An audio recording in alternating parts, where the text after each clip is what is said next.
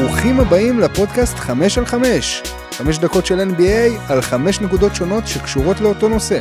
אם גם אתם אוהבים NBA ורוצים תוכן ממוקד וענייני, תישארו איתי, אני כבר אשלים לכם את החסר. אז מה היום על הפרק? היום אני אדבר על סטף קרי, חמישיות העונה, השחקנים שלא נבחרו לחמישיות העונה, יהיה מאוד מעניין. מתחילים.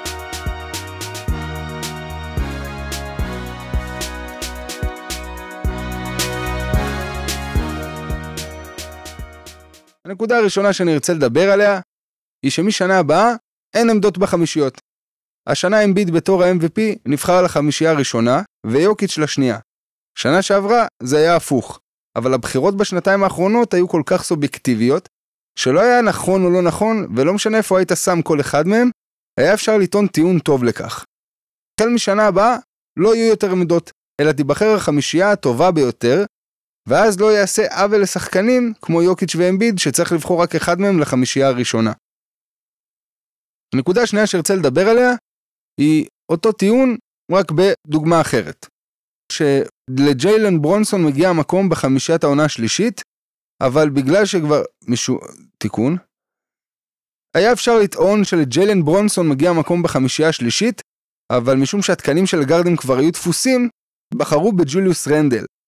אני לא הייתי בוחר בג'וליוס רנדל, יש כמה פורוורדים שהייתי בוחר לפניו, אמנם הייתה לג'וליוס עונה לא רעה, אבל לברונסון הייתה עונת התאקלמות נהדרת עם 24 נקודות למשחק, ובפלייאוף הוא סחב את הקבוצה כמעט לבדו על הגב. ואם כבר הלכנו באמת על עמדות, היות ואנחנו לא בשנה הבאה, אז איפה קווין דורנט? איפה לאורי מרקנן? הנקודה השלישית שארצה לדבר עליה, היא הזלזול בסטף קרי. הזלזול בקרי הוא פשוט לא הגיוני. עם כל הכבוד ללוקה דונצ'יץ' ולשי גילג'ס אלכסנדר, קרי לקח את הווריורס, האלופה המכהנת, עד לחצי גמר המערב. הוא כלה 29.5 נקודות למשחק, לא כמו לוקה ושי, אבל לא רחוק מהם, ובניגוד אליהם, הוא משחק כדורסל מנצח, גם בגיל 35. הנקודה הרביעית שארצה לדבר עליה, היא חמישיית העונה השנייה. במשחק היפותטי בין החמישייה הראשונה לחמישייה השנייה, החמישייה הראשונה אמנם פיזית וגדולה יותר, אבל שחקן מול שחקן, לחמישייה השנייה יש את השחקן הטוב יותר בארבעה מתוך חמישה מקרים. יוקיץ' מספק פלייאוף נדיר, בעוד שאמביד נעלם ברגעים המכריעים. באטלר כבר הדיח את יאניס, בראון לא פחות טוב מטייטום, אפשר להגיד שהם על אותה סקאלה והם פשוט A1, A2, קרי יותר טוב מלוקה ו-SGA כרגע, והחוליה החלשה במרכאות היא דונובל מיטשל. הנקודה האחרונה שרצה לדבר עליה היא מי נשאר בחוץ? מי קופח? פשוט לא יאמן כמה כישרון יש בליגה. זו משימה כמעט בלתי אפשרית לבחור את החמישה עשר הכי טובים בליגה, כי תחשבו כמה כוכבים קופחו. זה קורה כל שנה באולסטאר, כשיש 24 שחקנים. אז על אחת כמה וכמה בחמישיות העונה, הסינון יהיה עוד יותר אכזרי. משום שמדובר גם על חוזים של שחקנים.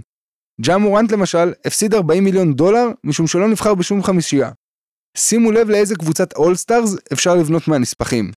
ג'ה מורנט, ג'רו הולידיי, ג'מאל מרי, ג'יילן ברונסון, טריי יאנג, דווין בוקר, טייריס אליברטון, ג'יימס ארדן, לאורי מרקנן, קווין דורנט, קוואי לנארד, מקייל ברידג'ז, זק לוין, דמר דה רוזן, פול ג'ורג', פסקל סיאקאם, אנטוני אדוארדס, ג'רן ג'קסון ג'וניור, אנטוני דייוויס, באם אדבאיו, קרל אנטוני טאונס וברוק לופז.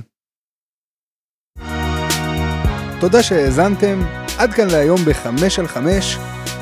אני הייתי דקל סלמון, שיהיה לכם יום נפלא, להתראות.